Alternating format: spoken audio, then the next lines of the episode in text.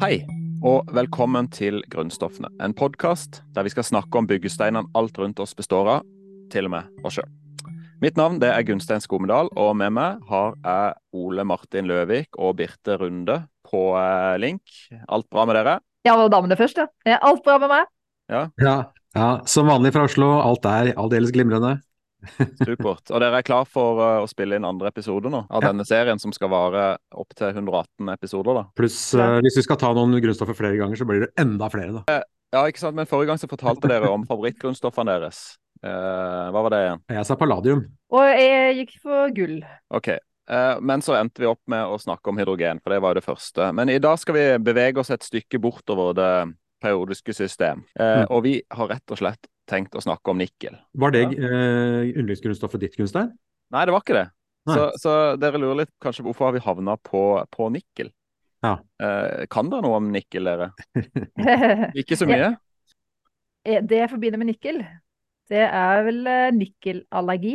Ok, det er såpass. Jeg har ikke det sjøl, men det er det Nei. man har blitt eh, skremt med opp igjennom, at nikkel er eh, farlig. Så det okay. håper jeg får eh, kanskje avkrefta i dag, da. Kanskje ja, ikke er se. så farlig. Nei, for jeg tenkte denne gangen så, så må vi jo eh, rett og slett litt ut av sirkelen her og finne en ekspert.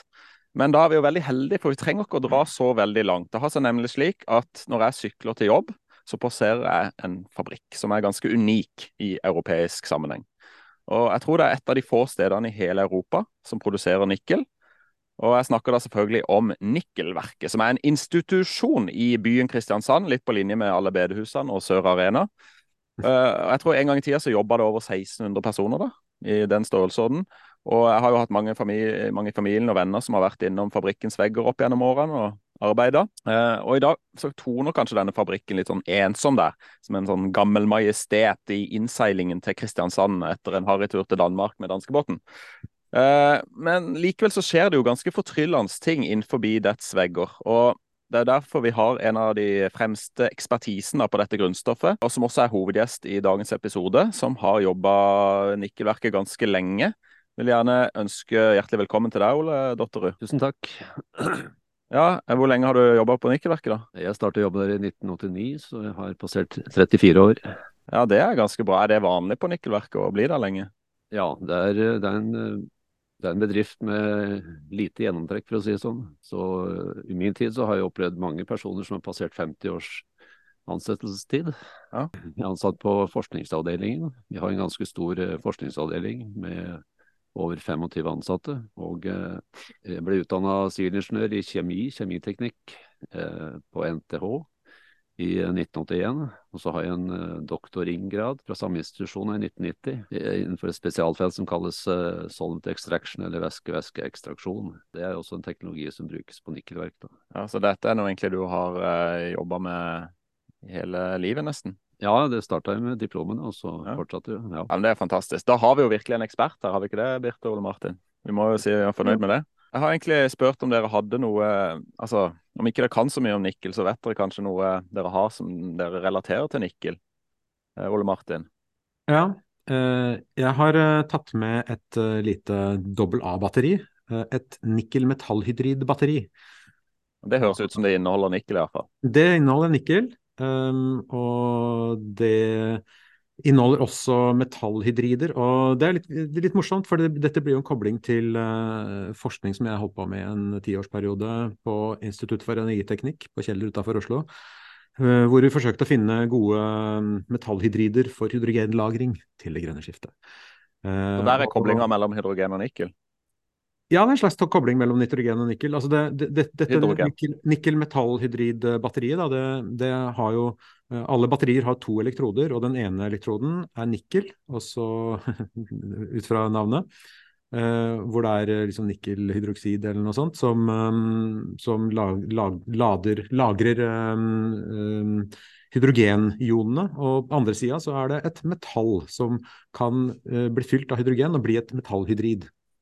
Eh, og det, det, er den måten du, du, transporterer ladning frem og tilbake ettersom du lader det og lader det ut. Så dette er et batteri, oppladbart batteri. Nikkel, nikkelbatteri. Og jeg tror eh, vi, vi, må snakke litt mer om batteri i denne episoden. For det er helt mm. klart at nikkel spiller en stor rolle når det kommer til batterier. Og det kan vi sikkert komme tilbake til, Ole. Eh, men jeg tenkte først uh, I dag så skal vi gjøre Skal du høre hva jeg har med meg òg, eller, Gustein? Ja, har det? Unnskyld. ja, jeg har faktisk en uh, femøre. oh. Norsk femøre. Jeg har rydda hjemme i boden og funnet en gammel myntsamling hvor jeg har mynter fra hele verden og gamle mynter. Uh, så endelig fikk jeg bruk for den myntsamlingen. så den, den er lagd av nikkel, rett og slett? Eller den og nikk? Jeg regner med det. Ja, Det er jo en del nikkel i mynter, er det ikke det? Kanskje det var? Jo da, det har Mikkel har vært brutt i mynt lenge. Det har det helt siden 1850-tallet. Men det er gjerne en, eh, gjerne en legering da, med kobber. Spennende. Men OK, kan vi få lov til å gå tilbake til eksperimentet nå? Er det greit? Eh, greit. Uh, fordi uh, jeg tenkte vi skal snakke Rett og slett det der med mynt, det, det, er noe vi skal prøve rett og slett å lage vår egen uh, nikkelmynt kanskje litt seinere. Og, og, det vi skal starte med, det er nikkel. Jeg har tatt med litt nikkel i form av skum. Det er jo litt spennende form av nikkel. Mm. Eh, og det vi skal gjøre nå, eh, få litt hjelp av deg, Ole, det er jo rett og slett Og dette er noe alle kan gjøre hjemme, basert på Ja, så lenge du har nikkel, da. basert på ting du finner på kjøkkenet. Så vi skal rett og slett prøve å løse opp nikkel i eddik. Så her finner du det du trenger. Du kan ta en, et tomt glassbeger eh, som har tidligere vært brukt til ripsgelé, men det er vaska og rent nå, så det skal kunne brukes. Og så Hvis du kan helle oppi litt eddik oppi der, så kan du lure på hvorfor eddik. Men det, eddik er jo en syre, uh, og den er ikke veldig kraftig, 7 eddik. Men det er likevel uh, ganske surt, og det kommer du sikkert til å snakke litt om seinere, uh, tror jeg. bruk av syre når du skal jobbe med nikkel. men det, som, det, kan hjelpe deg å løse opp nikkelet. men vi trenger litt ekstra. Vi trenger litt salt oppi. Så hvis du kan ta litt salt oppi eddiken, Vanlig bordsalt er det, eller? Bordsalt, rett og slett. Og så har vi tatt den uten jod. For vi har ikke kommet til jod ennå. Så den, eh, det får vi ta når vi kommer til den episoden. Sånn, det er sikkert fint. Og så røre rundt med en uh, plastgaffel som vi hadde her. Det man har oppi det, er eddik og ja. bordsalt. Og hvis du husker forrige episode, så, så elektrolyserte vi hydrogen. Da tok vi bare salt i vann. Denne gangen så trenger vi litt syre i vannet. fordi hvis vi hadde bare et vann, så ville ikke nikkel løser seg opp så lett. Men når du tar litt eddiksyre oppi, så vil det hjelpe å kunne løse nikkel i, i vannet. Og Så har vi litt salt, og det er samme som sist. Du trenger en eh, For vi skal bruke strøm her til å løse opp nikkel i, eh, i, i, i eddik. Mm. Og da trenger du en væske som også kan lede strøm, så derfor tar vi rett og slett salt i. Stemmer ikke det, Ole? Er du med på tanken her? Ja, jeg er med på tanken, ja. ja. det er sikkert bra. Er det noen grunn til at du bare tar vanlig 7 eddik? Hadde det ikke vært lurt å ta det siden 35% Du får kjøpt det også i butikken. Du tenker på denne? Ja, nettopp. Jeg har den med, eh, så vi kan på, på, hvis ikke det funker, så tar vi den. Ah, ja, akkurat, du har, har 35, men eh, jeg tenkte litt sånn HMS. Eh, ja, ja, da, da må du ha briller, kanskje. Så jeg tror jeg det funker med 7% eddik, så, men vi ja. kunne jo gjort det, hadde det gjort enda bedre hvis ikke. Hmm. Så skal vi ta, hvis vi bretter de over kanten her, begge de to. Nå har vi tatt da eh, nikkelskum, bruker jeg, men man kan bruke en vanlig nikkelfolie hvis man er heldig å få tak i det. Men stopp litt, eh. kan man få kjøpt det hvor som helst? Nei, det vet jeg ikke. Nikkelskum, kjøper du på eBay. Alt sånn nikkelting kan du kjøpe på eBay på disse. Ja. da. Skum og metallplater og alt mulig. Jeg vet ikke om de har det på jernvarebutikken. Det vet ikke jeg heller, men Nikkel, det er i hvert fall ikke noe vi produserer av den Nei. formen her. Nei, så skal vi ta oss og sette det nedi. Det må jo ikke uh, berøre hverandre. Skal vi sette, sette litt opp, da? Så jeg vet ikke om det er mulig å se på kamera. Uh, kanskje vi kan zoome inn litt. Så må vi da sette på strøm, og da har vi uh, pluss og minus her, som vi kan bare koble på hver ting. Så det tenker vi bare gjør. vi må kanskje ha den litt nærmere, da. Sånn, rett og slett. Sånn at han klemmes fast på kanten her. Hva slags strømkilde er det du har nå, Gustein? Ja, jeg tenkte egentlig å bruke et batteri, men det kan man gjøre. Du trenger bare et vanlig trevoltsbatteri eller noe sånt.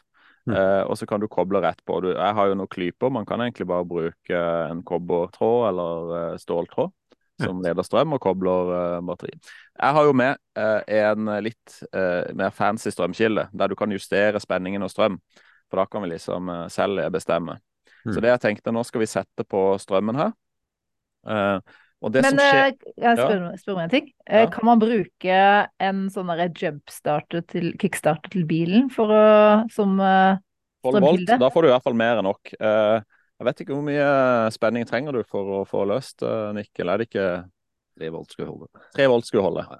Okay. Uh, vi får komme tilbake til akkurat hvorfor det, hva det har det å si, hvor mange volt det Men uh, Altså Det ene lille batteriet som jeg hadde med, er ikke nok. altså med andre ord, så nå Koble to stykker sammen eller ha et, et Altså et sånn røykvarslerbatteri vil jo funke veldig bra. Det er 9 volt. Jeg tror vel uh, det er nikkelhydridbatteriet okay. også ville fungert, ja. ja. Og, halvannen volt? Ja. ja. Det dere kan se her, for nå har jeg skrudd på.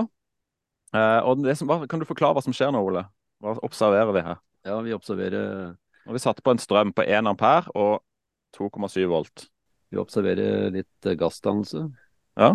Og den uh, min elektrode er den svarte her. Yes. Den andre Anoden? Ja. Den andre er det ingenting på, men den skal da løses opp, da. Ja, jeg tror du er inne på noe der. Så nå skal vi rett og slett la denne stå og kose seg litt. Uh, så får vi se om det skjer ting uh, etter hvert. Regner vi vil se det på fargen etter hvert. Jaha? Tror du ikke? Ja, vi får se. Da kan du kanskje forklare hvorfor òg. Men jeg tror vi må litt videre. Vi skal uh, rett og slett til faktaboksen.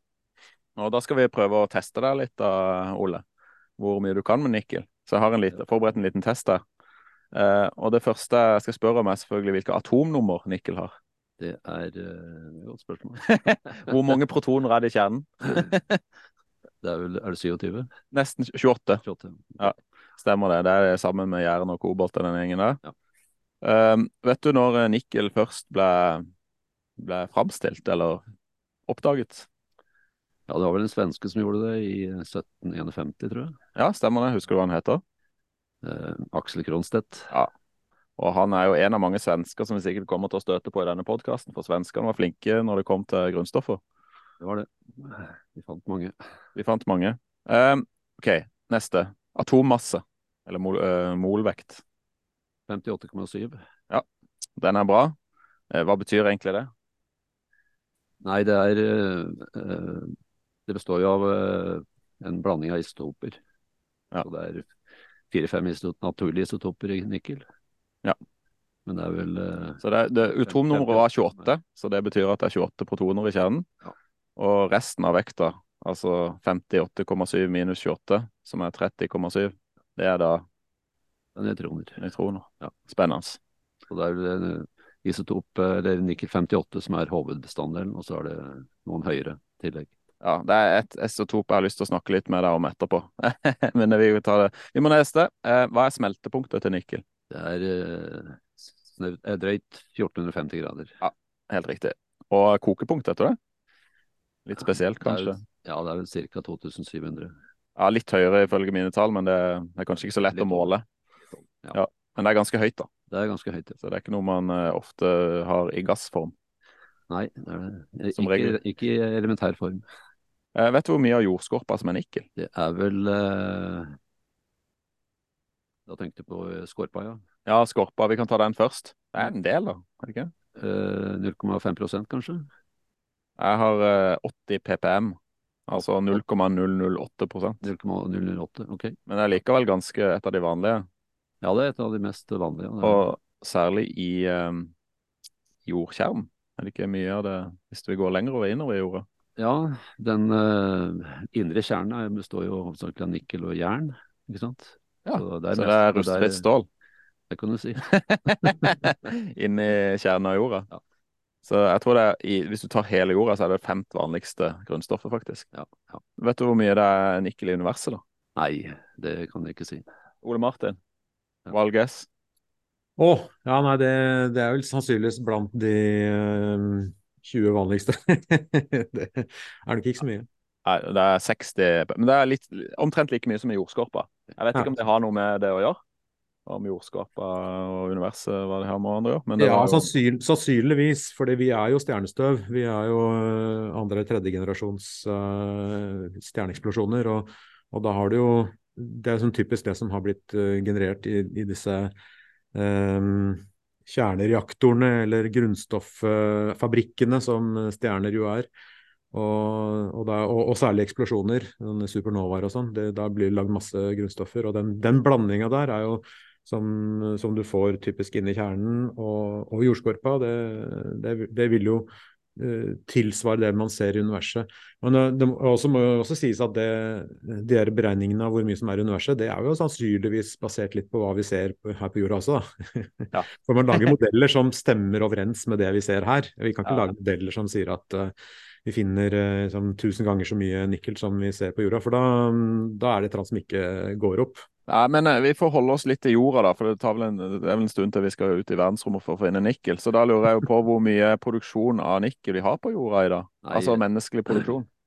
Ja, hvis du tar eh, det som produseres fra gruvedrift, altså primærnikkel, så er det i området 3,5 eh, 3,5 millioner tonn i året. Ja, Så det er jo en betydelig materiale. Ja, det er det jo. Men uh, det- er jo ikke veldig mye i forhold til noen andre, også med aluminium og kobber og sånt. Nei. Jern, stål. Men har vi, har vi nok av det på jorda, da? Altså, Hva, hva er nikkelreserven? René? hva, hva har vi å ta? Det er, det er mye nikkel på jorda, som du sa. Det er jo et av de Ja. vanligste grunnstoffene. Ja. Men det har jo med kvalitet på malm å gjøre. Da. Uh, nikkel er jo et eh, vanskelig, vanskelig metall å produsere. Altså det er dyrt. Det er, kost, eh, det- er kostbart. Ja. Det er jo derfor prisen er høy, da. Ja. Eh, og eh, eh, når man starta industriell produksjon, ikke sant, så, så gikk man, da hadde man jo de rikeste malmene å starte med, ikke sant. Mm. Og så har, man uh, brukt opp det, ikke sant. Man har utvunnet, og så må man gå etter, eh, etter ressurser eller malmer som eh, både har lavere innhold og ligger dypere ned da. Så hvor i verden finner man eh, nikkelgruver i dag? Nei, det er jo eh, over hele verden, i alle regioner. Ja. Men i akkurat de siste ti år, ti, år, ti år, kan du si, så er det Indonesia nå som dominerer eh, produksjonen fra gruver. Faktisk. Og eh, i gamle år så var det jo ikke særlig, på, særlig produksjon på Indonesia, men de har eh, veldig store forekomster. Mm. Eh, og det er dagbrudd, da. Såkalt eh, det er oksydisk malm. Såkalt lateritt, nikkellaterittmalm. Ja. Men de, eh, de har faktisk eh, over 40% av primærproduksjonen nikkel. Så det er ganske konsentrert, da, egentlig. til... Ja, eh, det finnes jo to typer malm, da. Ja. Eh, det er såkalt sulfidisk malm, og så Ja. er det oksydisk malm, eller lateritt, nikkellateritt. Og eh, historisk så starter man å produsere fra sulfidisk malm. Mm. Da var det en forekomst i Canada som ligger ja, sentralt i Ontario, i, en by som heter Sudbury. Mm. Og der stammer, der stammer også råstoffet vårt fra, som ko- kommer til eh, Glencore i Kristiansand. Men eh, der startet produksjonen på slutten av eh, 1870-tallet. Ja. Og, og, og eh, det var sulfidisk malm, veldig rik. Eh, hadde også biprodukter, kobber, eh, eh, kobolt, edelmetaller. Eh, produksjonen derfra dominerte nikkelindustrien i eh, 100 år, kan du si. Ja, stemmer. Og nå begynner det å komme nye ting. Og jeg har liksom en mistanke om at Kina, Kina er litt ivrig på, på nikkel, er det ikke? Ja, Kina, Kina er, eh, har jo, etter at de kom inn i, eh, i Verdens handelsorganisasjon for 20 år siden, og eh, den her eh, akselererte industrialiseringen, de er jo verdens eh, produksjonsfabrikk, ikke sant, i dag. Så har de, har de satsa på å kontrollere så stor eh, andel av av verdikjeden i, i, mange ulike råstoffer, også nikkel. da. Ja. Og det vil si alt ifra gruve, eh, oppredning, smelting, raffinering og videreforedling, ikke sant. Ja. Jeg tror dette er en sånn Vi kommer nok til å ha dette litt som et sånn gjentagende tema i denne podkasten. Litt eh, hvor materialer produseres i verden. Og man ser jo det at eh, Nikkel er kanskje ikke det mest ekstreme, men at det en, eh, kan være voldsomme konsentrasjoner av uh, visse grunnstoffer som produseres bare fra en gruve, eller fra noen gruver, eller i noen land. Ja. Så, men en ting jeg lurte på, for det, hvis du går tilbake til nikkelverket, har jo, hvor lenge har nikkelverket vært på, i Kristiansand? Ja, nikkelverket ble etablert i 1910, så det er altså 113 år, da. Men da var det ikke malm fra Canada? Nei, det var det ikke. I, uh, i den tida så, så, var det flere gruver i drift i Norge. Så produksjonen ble basert på ei gruve fra, som lå uh, i Evje. Ja, OK, så bare en times kjøretur herfra ja. i dag, da. I dagens tid. Ja. De brukte kanskje ikke biler på den tida for å frakte nikkel? Nei, det gjorde de nok ikke. det tok mye lengre tid enn vi kjører i dag. Men uh, tok du med tog, da? Ja, det gikk vel med, med båt og tog og ja, hest og kjerre. Ja. ja. Og det var liksom egentlig starten på nikkelverket, da, å bruke uh, malm fra Det var det som sulfidmalm, det? Det var sulfidmalm, ja. ja. Så de hadde gruve, oppredning og uh, smelteverk der oppe. Så de lagde et uh, halvfabrikk. Ja, Plåt heter det. Plåt gruver, ja. Mm. Så de lagde et halvfabrikata, men uh, det, det, kan jo ikke brukes direkte inn som nikkelkilde i, ja, i stål f.eks. Så du må, du må, oppgradere det. Og det, det som fabrikken på, i Kristiansand gjør, da. Vi tar halvfabrikata, og så lager vi rene Hva vil det si? Hva, for det, det som jeg syns er litt spennende, og det var en på Nikkelverket som fortalte at Nikkelverket er egentlig en grunnstoffsorteringsmaskin. Fordi det er det dere får inn. Hva inneholder det egentlig? Ja, du, Når vi analyserer på, så, så finner vi flere, mange titalls uh, ulike elementer. Da. Ja, flere titalls av grunnstoffene som ja. dere må sortere på. Ja, så, som for eksempel? Nikkelmalmen er, nikkelmalmen er kompleks. det er ikke bare nikkel? Nei, det er ikke bare, er ikke bare nikkel. Hvilke andre grunnstoffer har dere? Ja, hovedbestanddelen er nikkel, kobber og svovel. Ja. Og da, da, da, da snakker du om mer enn 10 i det, i det halvfabrikata som vi kaller nikkelmatte. da. Mm. Men Det som ikke er nikkel, kaster dere det da, eller er det, blir det brukt til noe? Det er uh, ca. 2-3 av det råstoffet. Det, det havner i uh, såkalte metallurgiske slammer. Som i dag ikke, som i dag ikke uh, selges som biprodukt eller kan brukes av andre. Uh, dessverre, da. Vi jobber også med det å få konvertert så mye som mulig, og de også, til noe som kan brukes av andre. ikke sant? Mm. Det er, er, det mangel, er, det mangel, på nikkel? Nei, i dag er det overskudd på nikkel i markedet, og det er uh, igjen årsaken er Indonesia. De har ekspandert så, så uh, vanvittig de siste åra. så nå er det overskudd, og prisen er litt på vei ned, da. Ja, for Man snakker jo hele tida om råstoffmangel, men Ja, altså det, her, det er det her med det nye, nye nisjen, det nye markedet. Altså, altså litium-ioner-batterier, eh, særlig til elbiler. Eh, de viktigste i dag, de, de, har jo nikkel som hovedbestanddel på den såkalte katoden, da, ikke sant. Mm. Det er nikkeloksid. Ja. Men eh, når vi er inne på dette med anvendelser, da, hva, hva, hva trenger, trenger, vi nikkel? Altså, hva er det vi egentlig vi bruker det til? Ja, det, det, folk flest, altså forbrukeren eller innbyggeren, ser det for meg, og det er jo eh, rustfritt stål. Ja. Og alt bestikket du har, er rustfritt stål. Det er rustfritt stål i oppvaskmaskinen din, vaskemaskinen din. Det betyr at hele oppvaskmaskinen min er full av nikkel fra nikkelverket? Nei, ikke nødvendigvis. Eh, nikkelverket produserer Altså, det, markedet er jo delt i forskjellige, forskjellige typer produkter. Da. Og eh, Ca. 70% av nikkelet det, det, det eh, havner som eh, tilsats til eh, rustfritt stål. Ja. Ja. Og det er svært lite av nikkelverkets produkter som går inn i den sektoren. Yes. Så våre produkter de, de er høyere, høy kvalitet, vi får høyere pris. Ja. Og da går det til andre deler av markedet.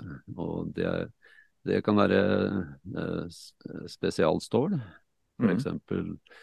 uh, høykvalitetsstål som Ja, brukes i Hvorfor, for, hvorfor er nikkel eh, viktig? Hva er det med nikkel som gjør at man bruker det i rustfritt stål og andre spesiallegeringer? Ja, det, er, det forbedrer uh, stålets kvalitet, og det går på, det går på det her med rustfritt. Det betyr at det ruster ikke eller mye langsommere. Det er rustbeskyttelse. Det er rustbeskyttende. Det er ganske essensielt, egentlig. Hvis Ja. ikke vi hadde hatt rustfritt stål, så hadde vi ikke kommet langt her i verden. Nei, bare se på kjøkkenet ditt for eksempel, ikke sant. Hvis alt ruster. Du, du kan ta en, eh, ta, ta en kniv, eh, for eksempel sånn eh, håndverkerkniv som ikke er rustet stål, og se hvor, og legge den i, og, og la, den, la den ligge fuktig. Ja. Den korroderer med en gang, ikke Ja. Så, så det er korrosjonsbeskyttelse. Men det er bedre også stålets kvalitet, da gjør det seigere og hardere. Også, også det her med korrosjon. Ja. Det legger- legeres jo inn også andre elementer da, for korrosjonsbeskyttelse. Ja. Jeg leste også at um, altså Du nevner jo batteri, vi kommer tilbake til det. Nikkels betydning for batteri og det grønne skiftet. Men uh, jeg så at det var faktisk ganske mye som brukes til såkalt plating. Ja. Hva betyr det? Platering. Plettering. Hva betyr det? På norsk, ja. Nei, det er eh, du, du belegger en, eh, en konstruksjonsdetalj av metall, Ja. Som regel, da, med et eh, lag eller flere lag med nikkel. Ja. Og da er det for eh, utseende og, og korrosjonsbeskyttelse. Så det brukes, eh, det brukes en, en god del av det, ja. Ja, for det, det er jo litt i forhold til eksperimentet, så det er ikke tilfeldig jeg spør om det, selvfølgelig. Hvordan går det med Hvordan går det ja, forresten, det var det. Hvordan eksperimentet her? går det, syns du, Ole? Nei, vi Ser det ser, bra vi, ut? vi ser jo litt farge på løsningen, og den begynner å bli grønn, som vanlig, vanlig nikkel eh, saltløsninger ser ut. Den ligner, begynner å ligne på uh, disse her løsningene vi jobber med på, uh, på Glencore. Da. Oh, ja, så, så vi har laget vårt eget nikkelverk her? Vi bruker ikke eddiksyre dog, vi bruker andre, litt andre syrer. Ja, OK. Men, men prinsippet er det samme? Ja, du kan si det. Ja. Så dere løser eh, opp en Dere får inn en malm som inneholder uh, Jeg vet ikke hvor mye nikkel. Nei, 50-60% nikkel. 50 nikkel. Så, så eh, gjør dere sikkert noe før, og så putter dere det i en syre.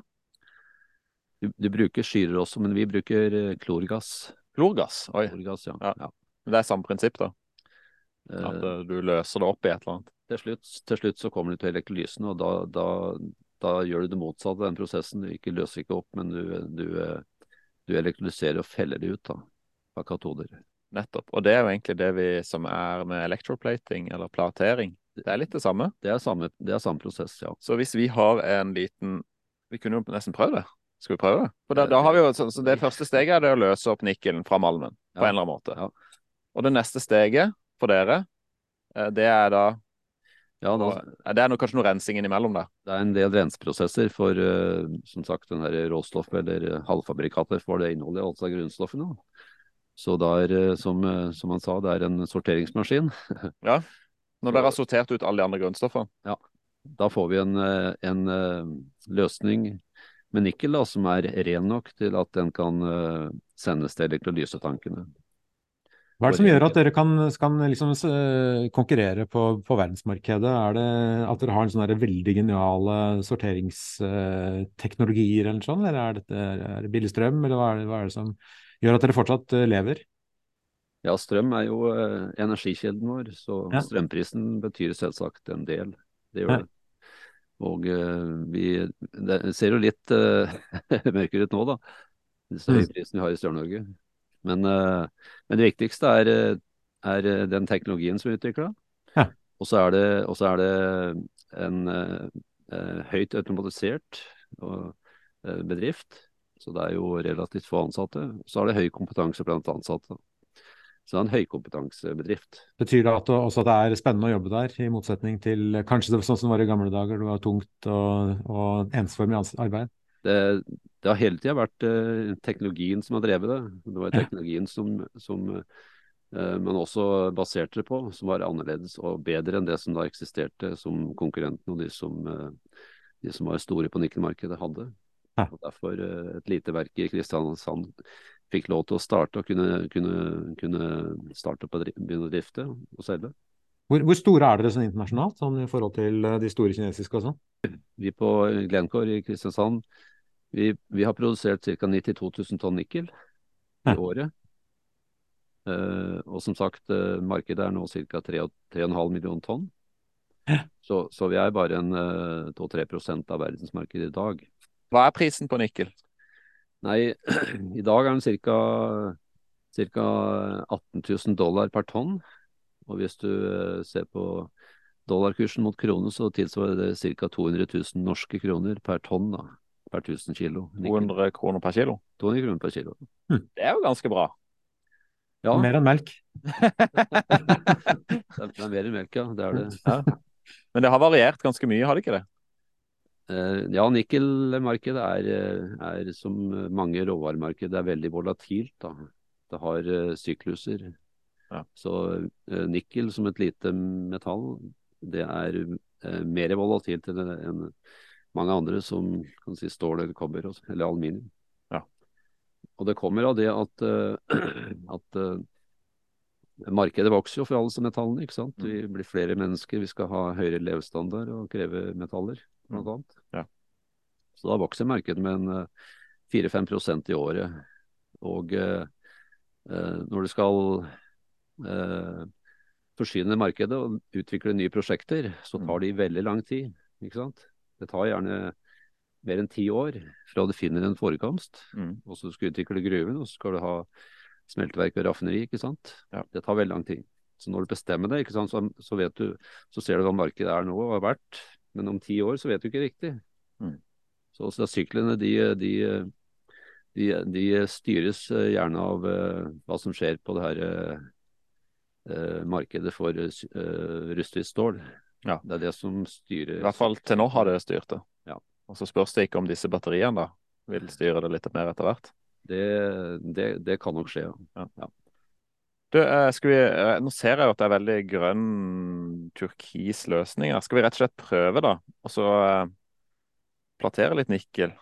Eller hva skal vi kalle det? da? Gjenvinne det fra løsningen? Nei, det blir plettering, ja. Platering? Ja. Eh, så, Plettering. platering. OK.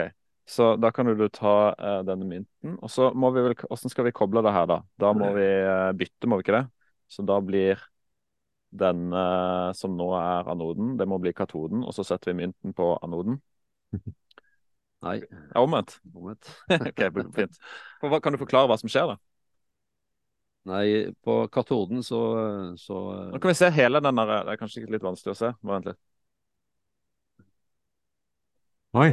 Så den, den Den har bare, alt har forsvunnet. spist opp. Den er spist opp fullstendig. Det, noe hadde jo løsna litt seg opp. Men det, det, det forklarer jo at den er grønn. her. Så det holdt med 7% eddik. Ja da, når det er strøm, så. Når du har strøm, så, så, så trenger du ikke så kraftig Men den ville ha forsvunnet i eddik uten strøm også, bare tatt litt lengre tid, eller? Eh, den formen av nikkel her ville nok gjort det. Det ville nok løst løst seg opp etter hvert. har jeg har gjort riktig nå, Ole? Så nå har jeg Altså, det som vi gjør nå Det vi gjorde, altså Vi kan forklare hvordan, lø, hvordan hjalp strømmen å løse opp nikkelet i syra? Hva er det som skjer, egentlig? Når du løser opp nikkel, løser opp nikkel så går det jo fra elementær til, eh, til et uh, løsning. Ja. Og da, da gir det fra seg elektroner. Ja. Så det blir oksidert, som vi sier. Mm. Så da får du nikkelioner i løsning. Mm. Og da skal det skje motsatt reaksjon på, eh, på anoden. da. Og Der så vi at det kom masse bobler, og det var hydrogen, da. Ja. Sannsynligvis. Så vi lagde faktisk hydrogen i denne episoden òg. Veldig bra. Ja, Dere kunne ikke se det, men vi så brusing. Det bobla godt. Og skal vi se, Nå skal vi liksom gjøre det motsatte. da. Så Nå har jeg rett og slett tatt eh, mynten og festa til en ledning. Eh, og så har jeg lagt den ene elektronen som ikke ble spist opp, og har latt den stå. Så vi må ha noe annet. Og så skal vi putte den i. så skal vi, Først må vi sette på strøm her. Og så skal vi se. Nå begynner det å Hva kan folk forklare hva som skjer nå? Eller fortelle? Det bruser veldig, iallfall. Så det er kanskje litt hydrogenutvikling her òg. Det er det nå. Men eh, du vil jo etter hvert skulle se fargeforskjell da, på mynten når du får begynne å felle ut metallet på toppen av, eh, av det som er gøy, Nå kan jeg styre strømmen, da, det ser dere kanskje ikke. Så jeg kan ta lav strøm, 0,4 ampere, da bobler det ikke så veldig. Altså, Siden jeg ikke har et batteri, men har en strømforsyning her. Skru det opp til to, og da bobler det noe voldsomt. Ja. Så jeg, Det er kanskje lurt å ikke ha for mye strøm, da. Ja da, ikke for mye. Men det krever ganske mye strøm å lage nikkel. Ja, det gjør det. Så, så det er vel en del av produksjonskostnaden. Det er ganske intens, strømintensivt. Ja, det er det. Så du kan si uh, lysen av nikkel eh, den tar over halvparten av strøm, strømforbruket på nikkelverk. Hvor mye er det, da? Cirka? Nei, altså Strømforbruket nå er, cirka, er drøyt 500 gigawatt-timer. Wow. Så halv, eh, halvparten sier 200, ja, mellom 250 og 300. Nei, og Det er kanskje en av grunnene til at det fortsatt ligger i Norge. I hvert fall til nå, med, med lave strømpriser sånn tradisjonelt sett. Ja, det var jo, det var jo sånn i, i den tida. Så tilgang til uh, kraft. Hva sier du? Syns du det funka? Det funker. Det funka som bare rakkeren, det. Skal jeg se om jeg kan vise det på kamera? Du har lagd en nikkelmynt, altså. Ja, rett og slett. Bare vent litt. Nikkelpletert. Oi, Se der, ja. den har skifta helt farge. Oi. Hvilken, er det var, hvilken farge har den blitt nå? Den har blitt uh, sølvfarga. Den var, den var messingfarga og har blitt til sølvfarga. Så du har tatt bort nikkelen. Nei, han har lagt på nikkelen. Lagt på nikkelen. Lagt på nikkel på toppen, ja. Så det som er kult, er at den nikkelen som først vi løste opp, og som lå liksom som ioner i eddiken, Ja. eller vannet, det har nå rett og slett da, ved å platere det, lagt seg som et tynt, tynt, uniformt fint lag. Eh, og skal vi se, vi kunne faktisk regna på dette. De som har hatt elektrokjemi, de kunne sette, bruke Faradays lov, som den heter. Og så kunne vi regna på hvor tykt det laget er. Eh, hvis vi skal gjette, da, kanskje noen mikrometer? Ja, det, det er nok ikke mer. Nei, fordi nå var det ett minutt med én ampere, og det er noen mikrometer vi har fått da. Men det er jo nok til å få et fint lag, og det er kanskje nok til at dette nå ikke Ja, nå er ikke dette rust, eh, stål, da, men hvis det hadde vært stål, f.eks., så kanskje det har vært nok til at ikke det rusta, da. Antageligvis. Og det er en sånn, kanskje en sånn gøy ting man kan gjøre hjemme, da, hvis du har noe du er av metall som uh, du sliter med at det ruster, så kanskje det går an å nikkelplatere det. Jeg vet ikke. Så på, så på 20 minutter så kan man lage nikkel. Ja, nikkel var jo allerede lagd, så det vi gjorde vi, vi, Magisk. Så det vi gjorde, vi tok og magisk overførte nikkel fra en nikkelplate til å belegge jevnt en mynt, eller hva som helst annet, da, med et tynt, tynt lag med nikkel. I, Så i, vi har ikke lagd Ja. nikkel. I Trollmann fra Os så tror jeg faktisk han derre blikkboksmannen han, eh, han forteller et eller annet sted i der at han er plettert med nikkel. Så han er faktisk eh, Han har egentlig en sånn tinn, tinnhatt og sånn, eh, men, eh, men er plettert med nikkel, da. For Ja. å, å bli sånn Nikkelhatt. ordentlig fin. sånn. Nikkelhatt. Ja, ikke sant? Men, eh, men folk ja. flest vet jo ganske lite om eh, nikkel, og at det produseres nikkel her på Sørlandet. Så jeg vil bare la deg få høre. Jeg har vært ute på gata og snakka litt med folk. Hei. Vet du hva nikkel brukes til? Uh, nei, det er vel et nikkelkraftverk uh, på russisk side av norske grenser, men utenom det så har jeg ikke noe svar. Vet du at det er et, eh, en nikkelproduksjon her eh, på Sørlandet? Ingen anelse, egentlig.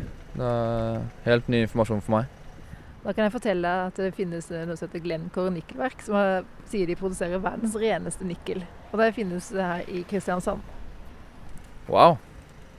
Sørlandet, ass. Det er jo skikkelig hotspot. Ja, veldig bra. Ja, det var da litt eh, hva, hva tenker dere om det at eh, folk ikke vet om at det finnes nikkel, et nikkelverk her på Sørlandet? Jeg føler meg veldig skyldig der, for jeg visste heller ikke det Gunstein fortalte meg det.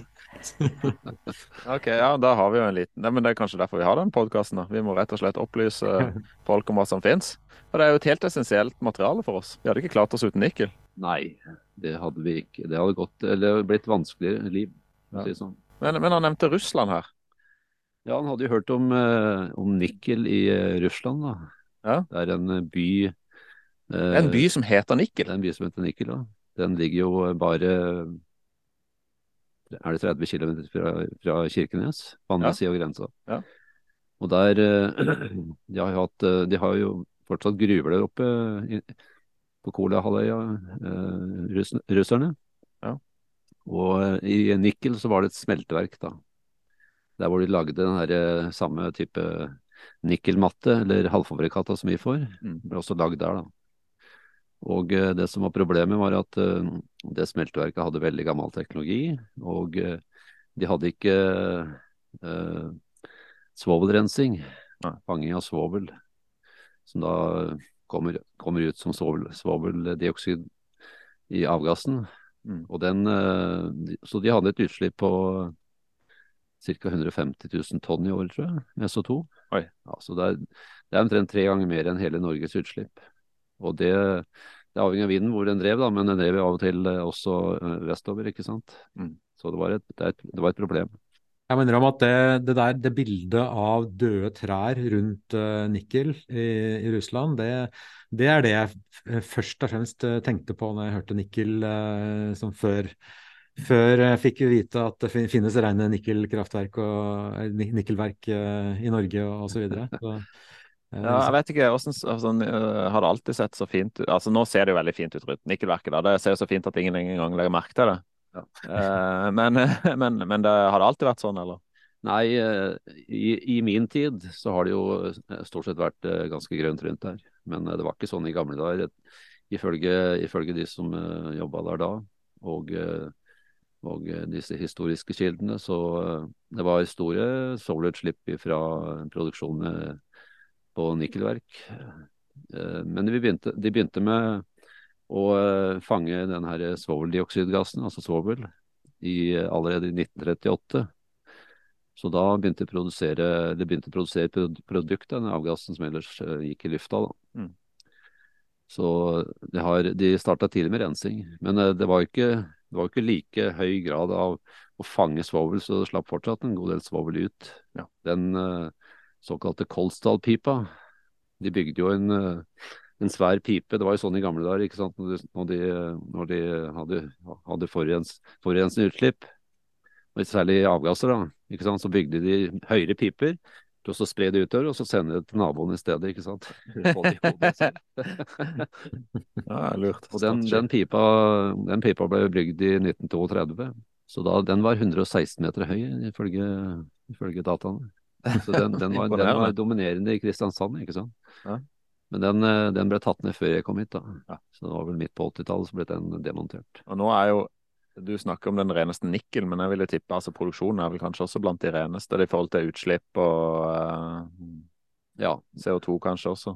Vi har, vi har litt uh, CO2-utslipp. Vi bruker jo uh, nesten ikke fossile energikilder i produksjonen. Da. Det er hjelpestoffer for eh, ja, oppstart av anlegg, eller Mm. hvis det er noe uregelmessigheter. Resten er grønn uh, vannkraft.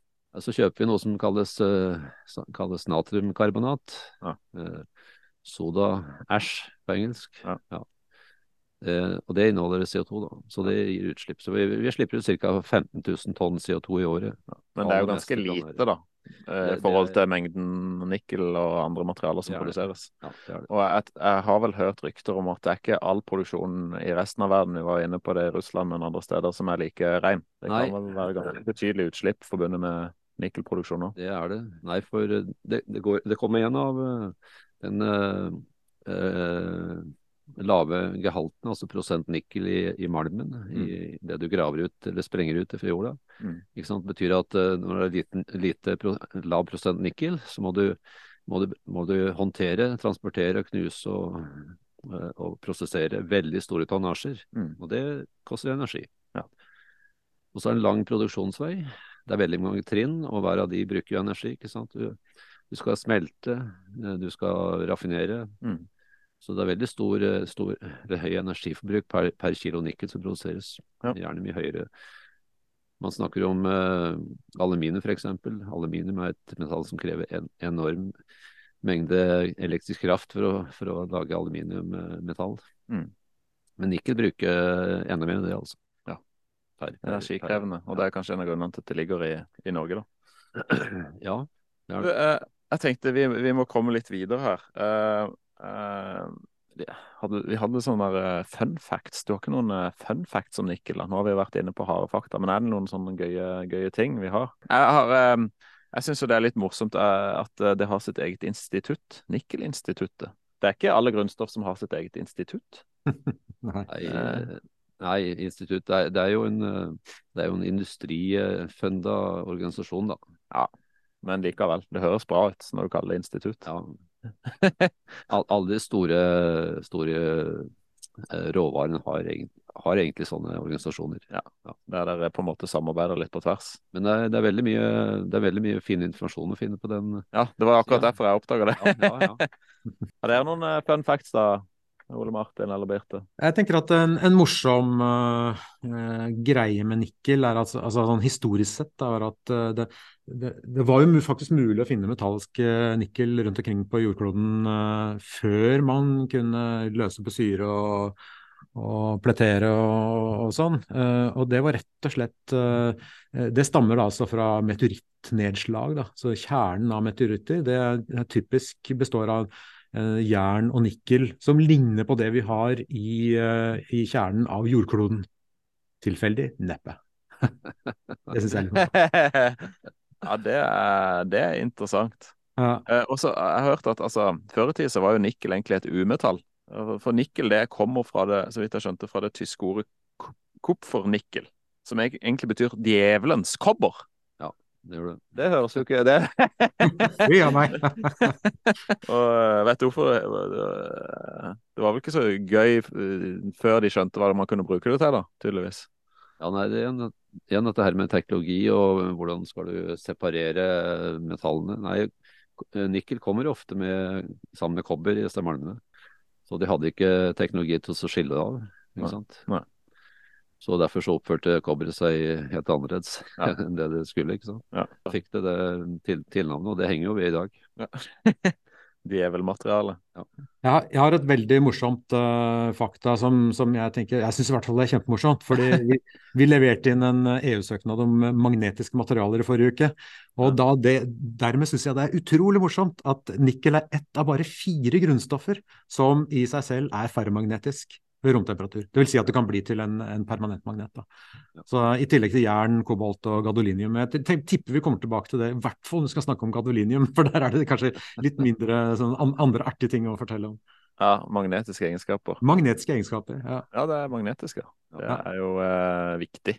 Hmm. Og da kan vi kanskje gå litt videre her. Um, snak, uh, jeg utfordrer deg, Ole Martin, snakke litt om altså, hvilken, hvilken eh, rolle nikkel spiller eh, rett og slett for eh, i biologiens verden. Ja, det er Har det noe å si? Man tenker jo liksom det er et metall, det har ingenting å si. Vi hører nikkelallergi, men eh, altså Jeg tror vi kunne lagd en podkast eller en podkastserie om det også. Jeg fant en bok på 380 sider som heter The, Biology, The Biological Chemistry of Nickel. Så det, det er ganske mye greier som nikkel har, eh, har å si for, eh, for, for levende livet. Men eh, for, altså for oss som mennesker så er det sånn at det er ikke et av de 25 eh, grunnstoffene som, som vi er helt avhengig av, altså som vi kan kalle essensielle grunnstoffer. Men det er det for diverse planter og bakterier og erkebakterier, og en god del forskjellige levende organismer. Og, og det viser seg også at eh, etter hvert som man forsker på det, så finner man også at en del av de bakteriene som, som lever i tarmen vår og som gjør lure ting for oss, eh, også trenger nikkel. Så om det er essensielt eller ikke, det begynner å bli en, nesten et slags definisjonsspørsmål. Så, så vi, vi trenger eh, kanskje ikke sånn veldig nikkel i, i kroppen, men, eh, men det er ikke veldig dårlig for oss heller. Vi tåler ganske mye før vi blir forgifta av nikkel. Eh, Men det går an å bli forgifta av nikkel, da. så det er også en, en greie. Da. Så, da blir det, er det typisk sammen med andre tungmetaller, som vi kan kalle det. mm. Så, så det, er, det er farlig hvis du får det i store mengder, men uh, det er alle metaller, egentlig. Nei, alt er vel farlig i feil eh, kvanta. Ja, ja det, er, det er jo det. Og så er det, det Det som er ganske morsomt også, at nikkel er, er ofte som, som en sånn liten klynge av noen få nikkelatomer. Så står de ofte i, i, i midten av enzymer. Vi kan kalle det for nikkelenzymer. Og det er jo mm, øh, store molekyler som, øh, som gjør ting for, øh, for oss som, som levende organismer. Og eh, blant annet så er det noen enzymer som, som er ganske viktige, som eh, virker eh, i urease. Som er eh, Det høres jo veldig rart ut, men det er, også, det er å spalte urea, som er en, del av eh, som blir til tisset vårt. Det spalter urea til eh, karbondioksid og nikkel eh, og, sorry, am, ammoniakk. Så CO2 og ammoniakk. Og det høres jo liksom eh, ikke så farlig ut, men det er faktisk ganske mange sykdomsfremkallende bakterier som gjør det. Og en av de mest, mest eh, berømte av dem er den som kalles for helicobacter pylori. Eh, Det er en verdenskjent bakterie som er den viktigste årsaken til magesår. Og da jeg vokste opp, så het det seg at magesår det, er, det får du fordi du er stressa eller fordi du spiser for mye krydder av mat eller et eller annet sånt tull. Så viste det seg at, eh, at det var en bakterie i eh, magesekken. Eh, De som fant det ut, ble, det ble gjort narr av dem, fordi i magesekken så er det så lav pH at det, det skal ikke være mulig for bakterier å leve der. Eh, en av de to som fikk nobelprisen for dette her, het John Warren. Han var med å finne bakterien. Og for å bevise at dette her faktisk stemte, så lagde han en, en uh, metta sånn bakteriekultur med helicobacter pylori. Han drakk den bakteriekulturen. Han fikk magesår. Og så tok han antibiotika og kurerte magesåret med antibiotika. Og jeg synes at den, det er dedikert forsker. Den Nobelprisen den er bare så velfortjent. Altså, det er bare utrolig morsomt. Så, så, John Warren, altså. Fy flate. Eh, det er helten i dag, vil jeg si. Sånn, I hvert fall på, på, på biologisida. Snakk om å ofre seg for menneskeheten. Ja, ikke sant.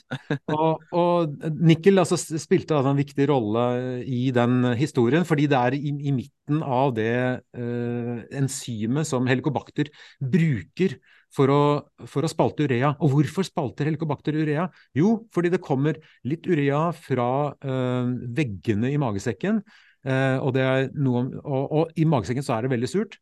når bakterien får spalta opp det til, til ammoniakk, så er jo ammoniakk det, det motsatte av surt. Så blir det mindre surt, og dermed er det mulig å overleve. Ja, spennende.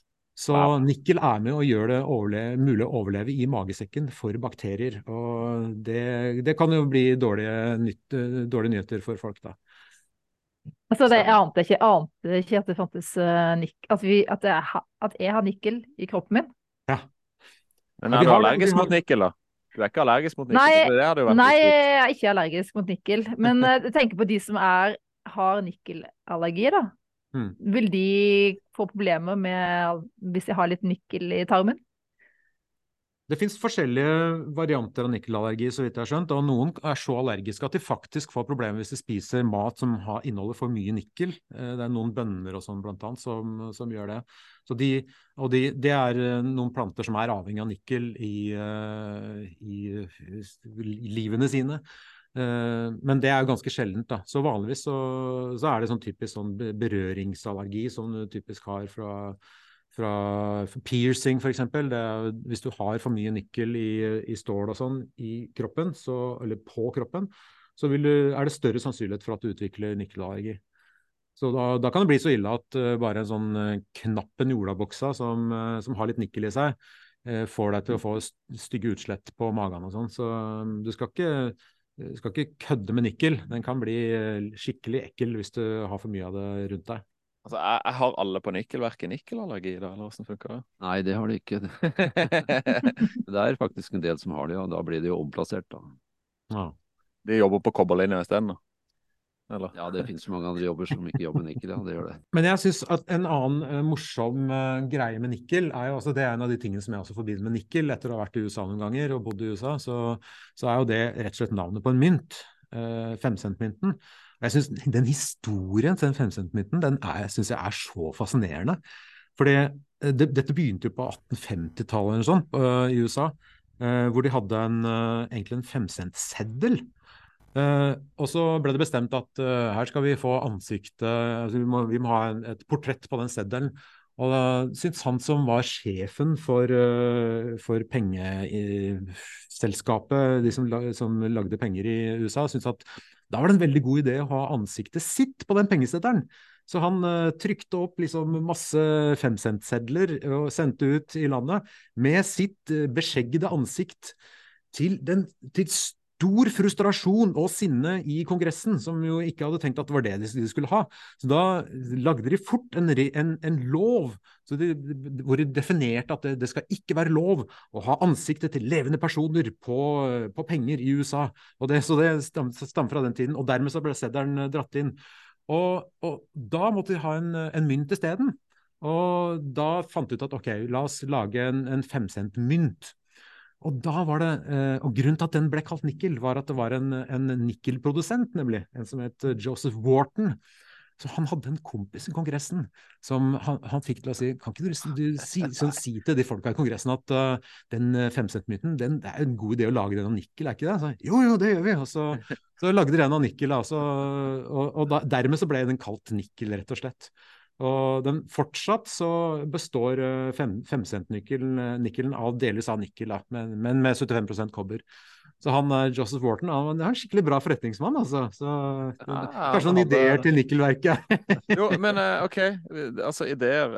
Um, kan jo gå litt uh, mot uh, avrunding her, og da har jeg lyst til å ta litt dette. Hva er rollen til nikkel i det grønne skiftet? Og Det spørs om uh, nikkelmynter er på en måte det store. Men du har med deg et nikkel-metallhydridbatteri. Ja. Batterier er kanskje et stikkord for, for hva nikkel virkelig kan bety for fremtiden.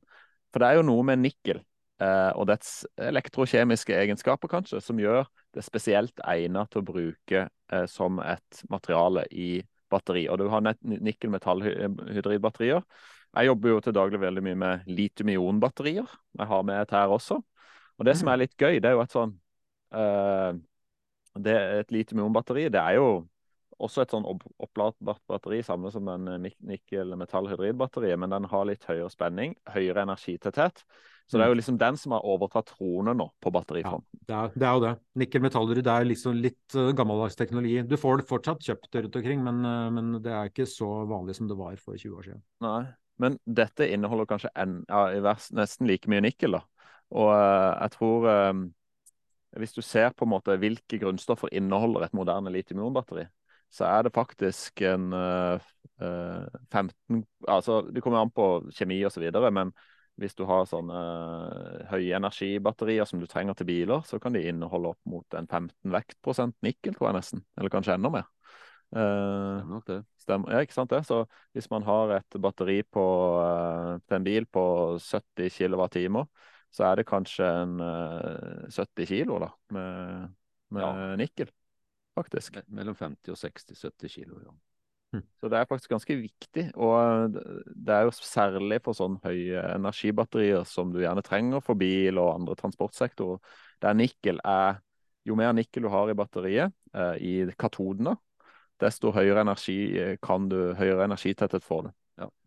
Så eh, det er jo eh, en av grunnene til at uh, Indonesia åpner en haug av gruver, og Kina transporterer dette til, til, til fastlandet Kina for å lage katodemateriale. Ja. Men holder dere på med det? Eh, nei. Eh, Glencore, eh, altså Glencore-selskapet, vi er jo en del av et, eh, av et globalt gruveselskap. De har foreløpig eh, ikke som strategi å gå videre opp i verdikjeden. Så vår strategi er å kunne levere metaller som batteriprodusentene kan bruke som eh, råstoff til disse batteriene, altså få, få, få nikkel inn i batteriet. Ja. Og i den formen som, eh, så, så de kan, eh, de kan eh, behandle det og få det i den formen som skal før det, de ender opp i katoden. Da, ikke sant? Ja, vi, er, vi er veldig Vi jobber veldig mye med å se på resirkulering av ja. batterier. Hva kan du si noe om det? Også når Disse batteriene har jo en begrensa levetid, altså mange år. Men til slutt så, så Eh, er effektiviteten falt så mye at de må ut av bilen, eller eh, den skrapes, eller hva. ikke sant? Ja. Men da vil vi gjerne eh, få alle de verdimetallene som er i batteriet. Og nikkel er jo kanskje det som er mest verdi nå, da. Mm. Få reskulert og få det inn i produksjonen og få det inn i verdikjeden igjen. Så mye som mulig. Og det Er dette noe dere gjør allerede i dag? ja, det, det, gjør, det foregår. Det gjør det.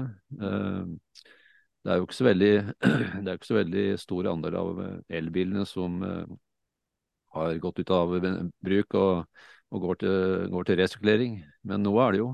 Mm. Og uh, Glencore og Glencore nikkelverk i Kristiansand, vi får, vi får uh, noe resirkulert nikkelmetall og koboltmetall, som da kommer inn som i vår produksjon igjen. Så lager vi rene metaller som skal ut igjen, og noe av det da til batterien. Det er kanskje noe som jeg syns er et godt poeng med rent, altså metaller. Det, det, krever mye energi å utvinne de og lage de. Ja, Men når du først har tatt det i bruk, så er det veldig enkelt, kanskje ikke riktig ord, men det, det er iallfall mye bedre å resirkulere det, og det skjer allerede i dag. For det er så store verdier i batteriet her.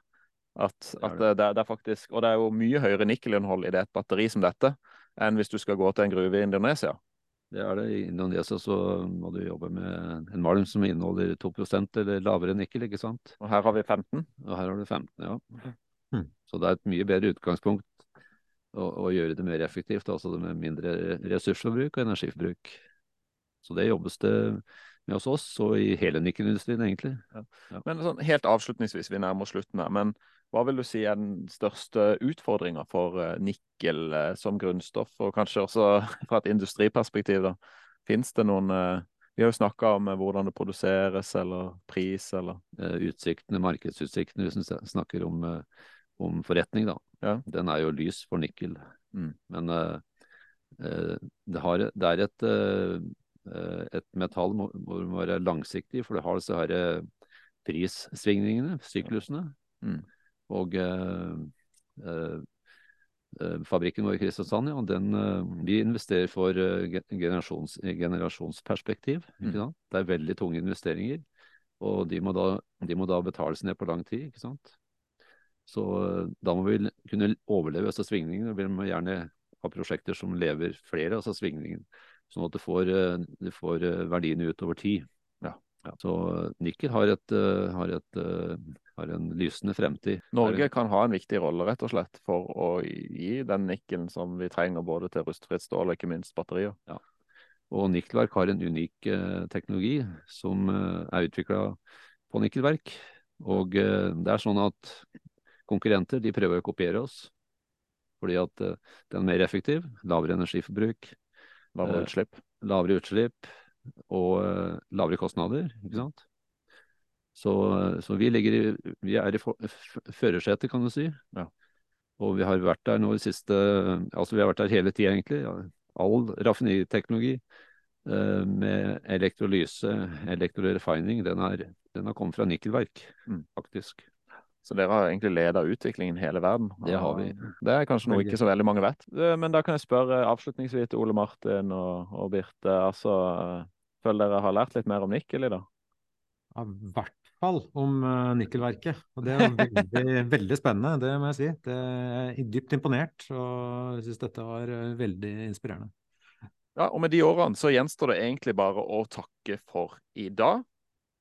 Veldig gøy å høre om Nikkel. Tusen takk for at du kunne komme, eh, Ole. Og eh, så håper vi jo selvfølgelig at, eh, siden vi er litt i gang her, at vi, vi setter veldig stor pris på tilbakemeldinger. Eh, vil gjerne at dere skal like å følge podkasten på din foretrukne plattform. Del gjerne med venner, familier, kolleger og andre du tror kanskje kan ha interesse av grunnstoffene. Og så ses vi vel igjen snart til et eh, nytt grunnstoff. Ja, det gleder vi oss til. Supert, supert, supert. OK, ha det Ja. bra. Ha det bra. Ha det.